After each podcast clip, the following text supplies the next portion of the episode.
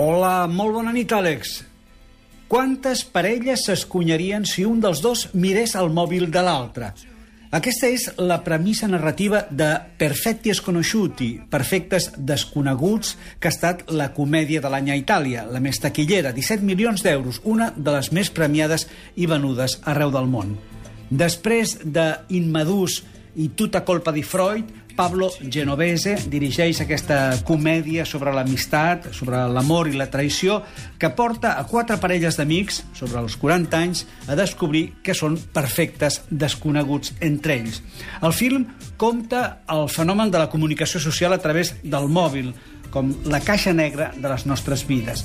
Perfetti Sconosciuti enfoca, per tant, un tema d'actualitat, de gran rellevància, revelant els secrets, les aspiracions, els desitjos, les petites i grans mentides d'un grup d'amics al voltant de la taula per un sopar que acaba tenint moltes sorpreses. Aquesta és la trama. Eva i Rocco conviden a sopar a casa els seus amics Cosimo i Bianca, Lele i Carlota i Pepe, els anfitrions és una parella que des de fa molt temps està en crisi, una situació a la qual també contribueix la relació amb la seva filla adolescent. La segona parella, en canvi, fa poc que s'ha casat. La tercera també tenen problemes, mentre que Pepe, després del divorci, no acaba de trobar ni un treball ni una companya estable.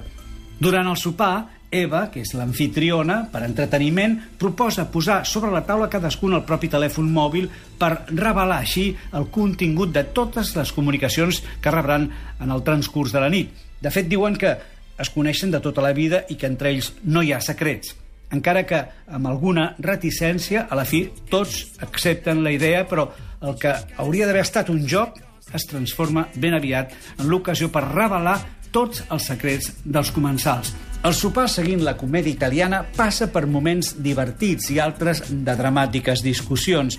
Però a l'acabar la nit resulta que el joc del mòbil, i això és una llicència del director que no explicaré, naturalment, en realitat mai ha tingut lloc. I els convidats tornen a casa després del que ha estat un normalíssim sopar entre amics. Però, en realitat, el que queda suspès són els secrets, els veritables secrets que encara romanen a la consciència de cadascun dels amics transgressors.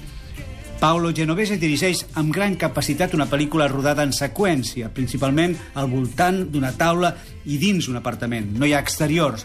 El joc dels primers plans, per tant, és essencial per crear i fer créixer l'atenció i també per donar espai a les sortides verbals dels actors, que són Marco Giallini, Valerio Mastandrea, Eduardo Leo, Giuseppe Bastistón, i les actrius Alba Rockbacher, Anna Folletta i Càssia Esmúnia.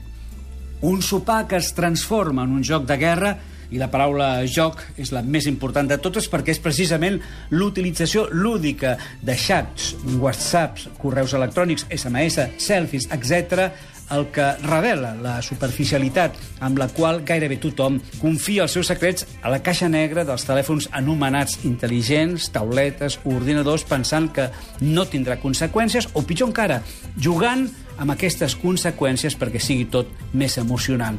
Un joc que acaba mostrant la fragilitat de tots els protagonistes. Com ha escrit Gabriel García Márquez, cada un de nosaltres té tres vides. Una vida pública, una vida privada i una vida secreta.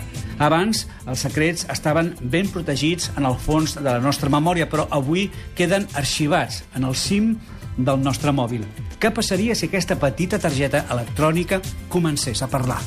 Eduard Rubió per la finestra indiscreta des de Roma. Bona nit. Gràcies una vegada més, Eduard Rubió. Has parlat molt bé i esperem que continuem parlant amb tu la temporada que ve a la finestra indiscreta.